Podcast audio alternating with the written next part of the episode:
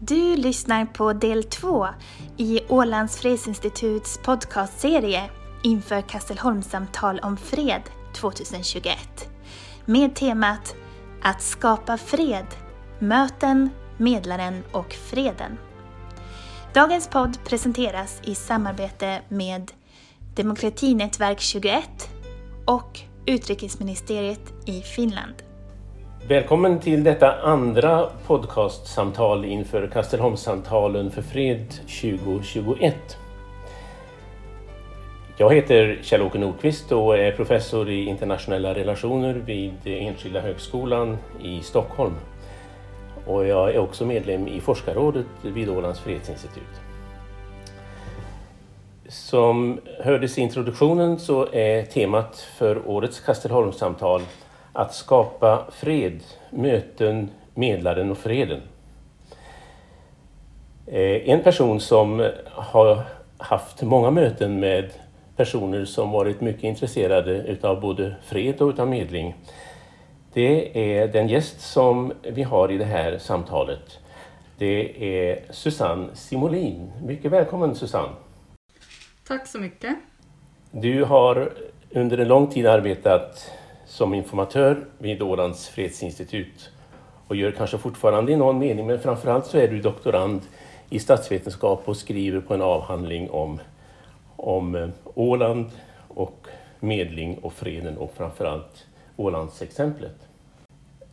Som eh, du kanske vet så har vi en standardfråga i alla de här poddarna som vi ställer till alla våra gäster. Eh, och den bygger på den erfarenhet som du har utifrån ditt arbete och dina studier. Eh, och om du samtidigt tittar på världen, hur den ser ut, eh, skulle jag vilja fråga dig, vilken insats för fred skulle du anse är den mest angelägna just nu, så som världen ser ut? Jag, tror, jag kanske bygger på min journalistiska bakgrund när jag tänker på det här med uh, olika värderingsskalor och, och, olika bilder av sanningen och, och det, det klimat som vi har just nu också med, med fake news och så vidare. Att, att man har så att det, det, är väl inget nytt att, att uh, sanningen är krigets första offer, så att säga. Att, att den, uh, man har då i, i, många konflikter och i, många olika sammanhang en helt olika bild av vad det egentligen är som har hänt. Men om man dessutom har olika bilder av hur det, hur det borde vara och, och, och, och, hur sanning konstrueras i bredare mening, så då tänker jag att det blir ännu svårare att, att försöka nå eh, någon slags gemensam grund för medling och också hitta gemensamma mål. Så jag tänker att det är någonstans där, exakt hur man gör detta, men att man liksom håller Uh, måste hålla den dialogen öppen för att liksom förstå, försöka förstå de här olika värderingsgrunderna. Men sen, sen blir det ju väldigt svårt när, när de är så diametralt motsatta i vissa fall. Uh, både värderingsgrund och sanningsbild. Uh, hur, hur, man ska kunna göra detta. Men jag, jag, tycker att det kanske, om jag ska välja ut en sak så tycker jag att det kanske är den saken som är jätteangelägen att försöka adressera. Det låter ju väldigt fundamentalt när man tänker efter. Därför att om parter i en konflikt inte på något sätt är överens om bilden, så att säga, om vad som har hänt eller vad som händer, då, då blir det väl också problem för medlaren kan man tänka sig? Jo, jo nej, det är just det som jag, just det som jag menar, men att man mm, nu har inte jag, jag har ju inte själv suttit i de här medlingssituationerna på det sättet, men jag kan ju tänka mig att det är otroligt viktigt att försöka eh, som medlare sätta sig in i de här och eh, just att det finns så många olika lager i det. Alltså det är inte bara det lagret som du direkt ser eh, eh, konfliktorsaker eller, eller liksom historiska skeenden utan på något sätt så måste du komma åt den här eh, grunden i, i, förståelse av världen också för att kunna, eh, kunna komma någon vart i, i diskussionen. Man kan, ju, man kan ju tänka sig att det även blir problem för en fredslösning där. Eh, är man inte överens om historien, eh, hur ska man då kunna bli överens om framtiden så att säga? Det, det där är nog många som har, eh, har stött och blött det där, särskilt i, i sammanhang där där olika identiteter, olika religioner, olika typer av eh, världsbilder eh, korsar varandra så att säga. Skulle du säga då att det kanske finns konflikter som inte är medlingsbara? Eller är det att ta i för mycket att fråga så? Jag vet inte riktigt vad alternativet är, för jag tänker att någon form av dialog så behöver man liksom alltid upprätthålla i alla sammanhang, även om det ju tar emot i vissa fall. Och, och, och det och precis som du säger, alltså är det fundamentala skillnader i, i hur man uppfattar eh, vad som är det, det rätta, liksom, rätt sätt att leva eller hur man ska göra. Men, men no, det ena som, som, som man väl brukar ta upp är väl det här med, det låter ju lite krast, men just att historien kan man ju på något sätt, eh, ibland kanske man måste bortse från den. Att man kanske måste vara överens om att man har olika bild av, av hur det har varit och vad som har hänt. Eh, och det andra som jag tänker på när du pratar om så är väl just att det här är väl en sak som eh, kan tala för att autonomilösningar ibland kan vara, vara, vara passande eftersom om det är så att du har, om de här värderingssystemen ändå på något sätt kan existera sida vid sida så kan du liksom ha lite olika värderingssystem då i de här olika sfärerna. Uh, sen blir det ju svårare om du har om, om värderingssystemen är olika inom, inom autonomin så att säga. Då kanske man måste hantera det på ett annat sätt. Den, den klassiska formuleringen är ju att vi är överens om att vi är oense. Och så får man eh, lämna det hela så att säga och bygga på det. Eh, kan det vara så om det är så att väpnade konflikter och motsättningar i allmänhet idag oftare har en kanske religiös eller identitetsbaserad eh, grund jämfört med de klassiska mellanstatliga konflikter om nationella intressen och ekonomi och så vidare eh, som eh, historieböckerna gärna beskriver. Jag har på känn att den problematik som du illustrerar kanske blir ännu mera tydlig i situationer där identiteten hos en grupp och hos individer står på spel. Skulle du hålla med om det? Eh, jag vet inte, jag tänker att dels beror det här på vad vi har för tidsperspektiv. Eh, om vi tänker på den allra senaste utvecklingen, kanske de senaste tio åren, så har ju geopolitiska och, och stormaktsintressen och den typen av förklaringar uh, fått större utrymme igen kanske än vad de har haft sedan kalla krigets slut. Och där hade vi ju en del konflikter som väldigt ofta avspeglades som etniska konflikter eller att, att de hade eh, man kanske till och med försökte förklara hela konflikten med etnicitet, vilket jag inte tycker att man heller kan göra. Alltså man kan inte förklara allting med stormaktsintressen eller statsintressen och man kan inte heller förklara allting med etnicitet utan man behöver ha liksom olika olika förklaringsmodeller för att förstå och de här olika sakerna kan ju också användas av olika. I Jugoslavienkrigen så har man ju ofta upp den förklaringen att, att eh, det fanns eliter kanske som hade intresse av att, att förstärka vissa identitetspolitiska aspekter och så vidare. Och idag så är det ju ännu mer komplicerat kanske på sätt och vis därför att de överlappar ju också de här. Du kan ha en en eh, identitetsfråga som finns eh, i, i en grund eller, och, och, då kanske den också har att göra med att det finns förtryck eller ekonomisk ojämställdhet som liksom finns som orsak.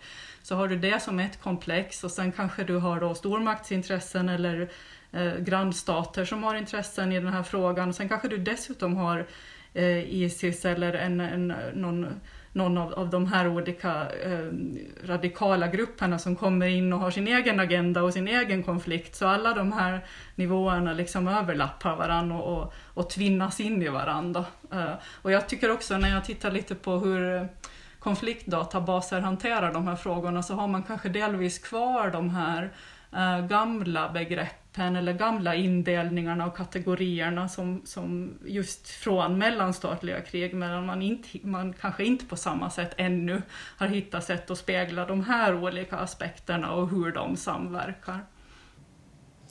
Det där är rätt komplicerat men det är väl precis som det är skulle jag säga. och när du nämner de olika databaserna då förstår jag att du har ditt eget avhandlingsarbete i tankarna att du har haft anledning att, att titta på olika typer av källor för att beskriva hur hur konflikter ser ut och utvecklas och så vidare. Ehm, kan jag inte få anknyta till, till din pågående avhandlingsverksamhet? Ehm, vad, vad hoppas du att, att du ska komma fram till i, i, i det arbetet? Om vi nu lämnar frågan om vad konflikter kan bero på och tänker oss mera hur kan man lösa dem? Som du sa så har jag liksom Ålands exempel som en inspiration och utgångspunkt i det därför att jag vet att det, det har använts som exempel i många konflikter runt om i världen. Men det är egentligen inte Åland jag vill undersöka. Egentligen så, det finns med där och det är en grund för allting. Men det jag hellre skulle vilja veta är hur eh, aktörer i konfliktområden använder sig av sådana här exempel. Och då inte bara Åland, jag tänkte titta på Sydtyrolen också därför att det eh, används ganska mycket i, i sådana här konfliktlösningssammanhang.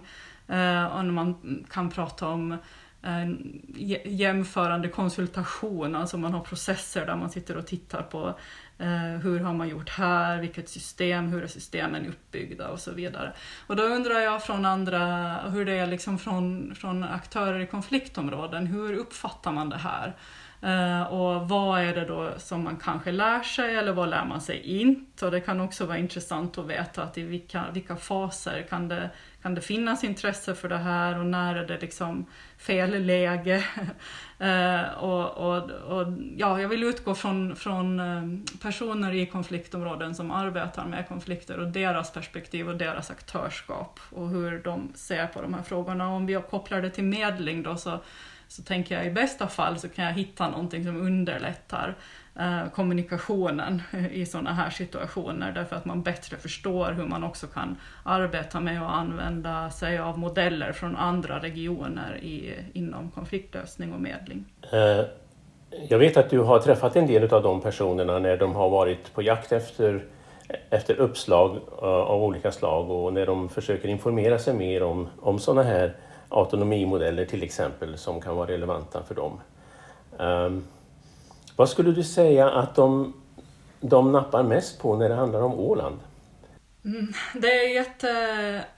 Alltså det finns egentligen ganska många aspekter, för när jag har sett hur man använder Åland så använder man det på så många olika sätt. Alltså det är inte bara så här att det är en konkret modell, att man tittar på hur systemen är uppbyggda eller hur Ålandsdelegationen fungerar eller någonting sånt, utan det är också liksom mycket bredare bemärkelse, olika principer för, för konfliktlösning och hur man kan bygga upp saker. Men om man ska ta några grejer då så är den här med den, de internationella garantierna är en sån sak som, eh, som väcker intresse. Alltså att, eh, att det finns en förankring som, både på internationell och nationell nivå som, som gör att, att eh, ingen kan, varken Finland eller Åland kan liksom ensamt fatta beslut om att och avveckla självstyrelsen till exempel, vilket är någonting som, som Eh, människor från andra områden kanske har erfarenhet av eller är, är oroliga för att skulle kunna hända. Så det, det är en sån eh, väldigt viktig aspekt. Sen, sen själva processen, eller ska vi säga förhållande, relationen mellan Finland och Sverige i konfliktlösningsprocessen är någonting som har lyft fram, lyfts fram. Också hur både Finland och eh, Sverige har förhållit sig genom åren. Alltså, Sverige har ju, kan inte sägas ha varit en så här aggressiv kin state eller granne som liksom har Ja, och det där kan man ju ha olika syn på, men det finns också exempel på när det går för långt. Balans, kanske jag ska säga då, är ett sånt generellt ord också, som är någonting som... Det gäller att hitta liksom den rätta balansen i det rätta sammanhanget, och det är någonting som, som folk studerar. Mer konkret så finns det också sånt som faktiskt just Ålandsdelegationen, som jag pratade om, som en, ett samarbets eller konfliktlösningsorgan mellan staten och Åland. Mm, det finns också annat, men det är några exempel. Det där internationella draget är ju intressant att reflektera över om man tänker på, och nu byter jag område då, om man tänker på EUs roll i förhållande till situationen på Nordirland. Där har det aktualiserats eh, väldigt tydligt nu då eh, om det är så att ena parten lämnar, i det här fallet eh, EU och EU-sammanhanget, eh, då, då blir det knepigt som sagt var. Och eh, som du säger, det är väl inte alls så att man brukar uppmärksamma internationella organisationers roll för det här, men, men den kan vara större än man tror kanske. Skulle du säga att, att vi har för lite utav internationella eh, medvetna, så att säga, systematiska initiativ för medling? Eh, borde medling vara mera eh, ett internationellt åtagande än, än som det är idag, väldigt lokalt och nationellt? Med tanke på den stabilitet som det kan skapa, som, som du antydde. Ja, det är en jätte... Det jag tycker det är en ganska svår fråga tycker jag och jag vet inte om det finns någon instans som, som har eh, uh, som, som är rätt instans så att säga just nu för att göra det här. Det kanske det gör, kanske OSSE eller uh, som till exempel. Men jag, alltså jag kan snarare säga utifrån, jag har sett det här underifrån ganska mycket mer, snarare än uppifrån.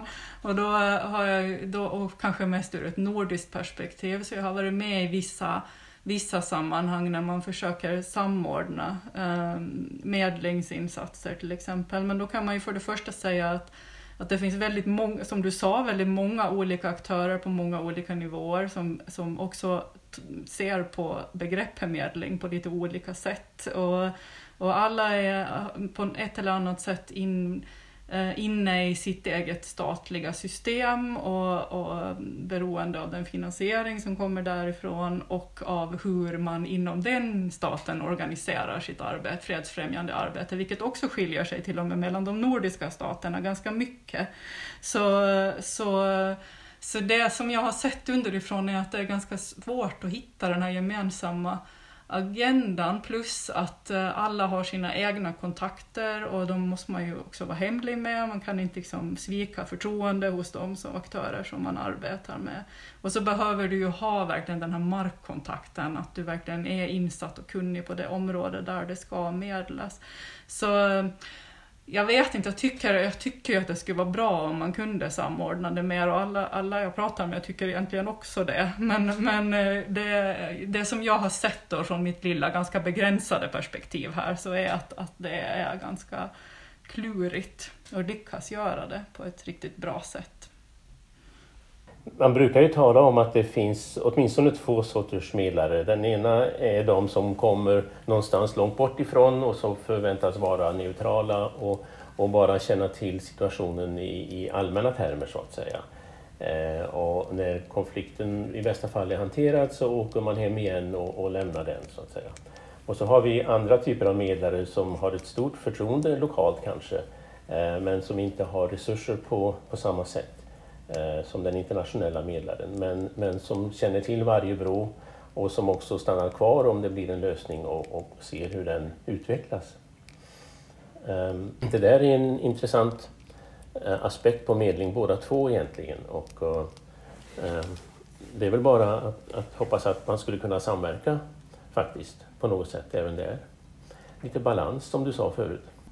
Nej men jag tänker också det, de behövs väl, de behövs väl båda två. Och kan man, eh, kan man liksom kombinera den prestigen som, som kan finnas liksom uppe på, på den höga nivån som gör att det blir, blir allvar och att det tas på allvar kanske mer med, med de här äh, rådgivarna och som har, eller som, de som har tydligare in, insikter i vad som händer just här och nu så är det ju jättebra. Jag tror ju att det görs också. Det, det förekommer ju. Det är ju inte så att alla arbetar, vad jag har sett, helt isolerat från varandra. Men, men just den där eh, enda stora samordnande självklara kanske inte på det sättet riktigt eh, finns då.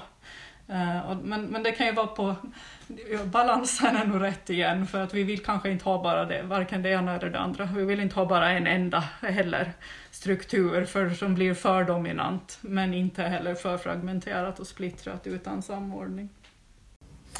Är det så med fredsprocesser att man vanligen egentligen bara kan säga efteråt hur man borde ha gjort? att, att eh, det finns alltid en risk naturligtvis att vara efterklok men att det just i sådana sammanhang är så svårt att veta hur ingångsvärdena ser ut som politiker numera ibland gillar att säga. Oj, uh, ja, det vet jag inte. Jag tror jag, eh, det som jag kan säga är det här med att man vet endast efteråt, så, men vet man ens det då? alltså det finns ju så många olika eh, olika vägar eh, som man skulle ha kunnat tagit eller vad hade hänt om och inte att. Det är klart, det, är ju, det blir ju en fråga om eh, få, få ner det storskaliga våldet liksom snabbt kan ju vara en högsta prioritet. Men, men utöver det så... Och det är ju inte heller så, du löser ju aldrig någonting en gång för alla kanske. Alltså, Ehm, du, du, du kan transformera eller skala om liksom. Men, men att tro att ja, men nu är det klart här, nu behöver man inte ehm, det finns ju i alla samhällen, alla samhällen, alltså det här kommer ju komma tillbaks till Åland också. Ålands självstyrelse är ju inte någonting som är fastslaget i sten och limmat eh, som det exakt ser ut. Ehm, eller var 1900, på 1920-talet, utan det måste ju liksom utvecklas hela tiden för samhälle och förändringar i samhället ger ju nya utmaningar som gör att du måste hitta nya strukturer och nya sätt. Då. Och, och då blir det väl eh, reform eller förnyelse snarare än revolution. Men liksom att man måste hela tiden följa med, tänker jag. Finns det någonting som, som man har glömt på Åland, skulle du säga? Att det här skulle vi också kunna göra, men det, det försvann i hanteringen, så att säga. Och vad jag tänker är alltså att man får en lösning i händerna, eller i knät snarare, och så ska man ta hand om den. Och den innehåller ett antal möjligheter. Ehm, och jag gissar att, att man har alltid ett antal prioriteringar för egen del men det kan ju hända att det finns möjligheter i själva konstruktionen som också skulle medge att man gjorde andra saker än de som man som, som part eller som politiker Eh, i ett autonomt område eh, har på sin egen agenda. Jag, jag, tror det där beror kanske lite på vem du frågar och, och så vad man har för mål. Liksom. Med, om, om man tänker att målet var att det inte skulle bli våld och ingen konflikt och, och att det skulle finnas inflytande liksom, från befolkningen på, på Åland. Men så, så, så uppnåddes ju det liksom. Men eh, jag tror att om du skulle, det är kanske ganska många, om du skulle förfråga åländska politiker om den frågan så tror jag kanske att just det här med ekonomin skulle vara den sak som kanske skulle komma upp. Att hur, eh, alltså ekonomisk självstyrelse. Och det har ju också varit en fråga som har eh, har återkommit eh, genom tiderna många gånger. Att hur, hur, hur mycket, ja nu, nu har man liksom självstyrelse över budgeten men inte över intäkterna. Och det här är ju någonting som ofta, det kommer ju upp egentligen, det har ju varit med nu eh, en hel del i, eller det har ju också hänt vissa reformer på det området, men att det är nog, tror jag, kanske den sidan som, som, som skulle lyftas fram uh, i de här Eh, om man tänker ända från starten så att säga. Sen har det ju hänt saker i omvärlden som man inte kunde förutspå när Ålandslösningen sattes. Så där har vi ju till exempel EU-samarbete. visste man ju ingenting om, men det har vi ju gemensamt med alla andra regioner som, som ja, där är ju skillnaderna, på många andra områden så Åland hade ju mer självstyrelse så att säga från början, medan många andra regioner har utvecklat den under tiden och i takt med EU-samarbete kanske också fått mera, eh, fått mera utrymme. Men det kunde man ju inte förutse då, att man, den här internationella dimensionen som skulle komma in på självstyrelsens område och territorium. Så är det ju verkligen. Den kommer in från alla håll, så att säga. Det... Får jag så här lite avslutningsvis fråga dig, om man tänker sig nu att, och som vi har talat om, att världen låter sig inspireras utav Åland eh, lite då och då. Alltså, vad skulle du då säga att Åland skulle kunna låta sig inspireras utav, eh, utav världen så att säga? Eh, I det samtal som, som förs eh, med, med alla andra som tänker på autonomi och konfliktlösning på det sättet. Eh, hur tänker du då? Jag vet inte, jag tänker att jag också gärna vill veta det. Och att jag, jag eh, har inte, jag, jag, jag, har liksom håller på med, jag har inte, jag har inte liksom gått in så djupt i de andra systemen så att jag riktigt kan säga det. Men jag, det som jag tycker är intressant just nu och som jag försöker förstå mig på så är det här att jag, medan Åland har den här uh, asymmetriska autonomilösningen där det är självstyrelse på Åland som gäller, så har du ju i andra ändan av ett spektrum av maktdelning så har du ju federalism där varje region så att säga tillsammans, de, man, är, är, går vi tillräckligt långt så kan vi säga att det är regionerna som gör staten, för att det är regionerna som fattar beslut och sen blir staten gemensamt som utför dem. Men, men i alla fall att då har regionerna mer, mer eh, inflytande i centrum, så att säga, och, och i, inom staten. Och, och det där, ja jag tror att det är en, jag vet inte om, om, det är, om federalism är rätt ord, men, men det är intressant att se hur det fungerar, vad det finns för system och institutioner för, för att hantera det. Och, och, för det är ju också någonting som finns på en, en politisk önskelista här, är ju det att eh, med, hur kan man höras i Helsingfors och hur kan man höras i, i Bryssel. Och ja, det tycker jag ska, det är intressant. Det vill jag se närmare på hur andra förhåller sig och hanterar det. Tack så mycket Susanne Simolin. Det var mycket substans i det här samtalet. Eh, väldigt intressant och mycket att tänka på efteråt. Som sagt var, stort tack för att du var med i dagens poddsamtal. Tack själv. Nästa vecka så är vi tillbaka igen med den tredje delen i den här podcastserien ska jag säga. Tack för att du lyssnade.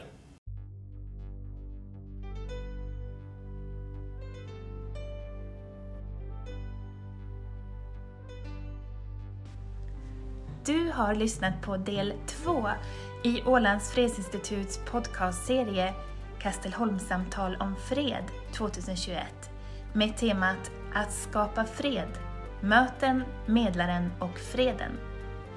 Dagens podd presenterades i samarbete med Demokratinätverk 21 och Utrikesministeriet i Finland. Missa inte årets slåssamtal online den 29 mars där samtalets beskyddare, president Tarja Hallonen, samtalar med Jan Eliasson och Björn Wikström. Mer information finns på peace.ax. Del 3 i podcastserien kommer nästa vecka. Tack för att du lyssnade!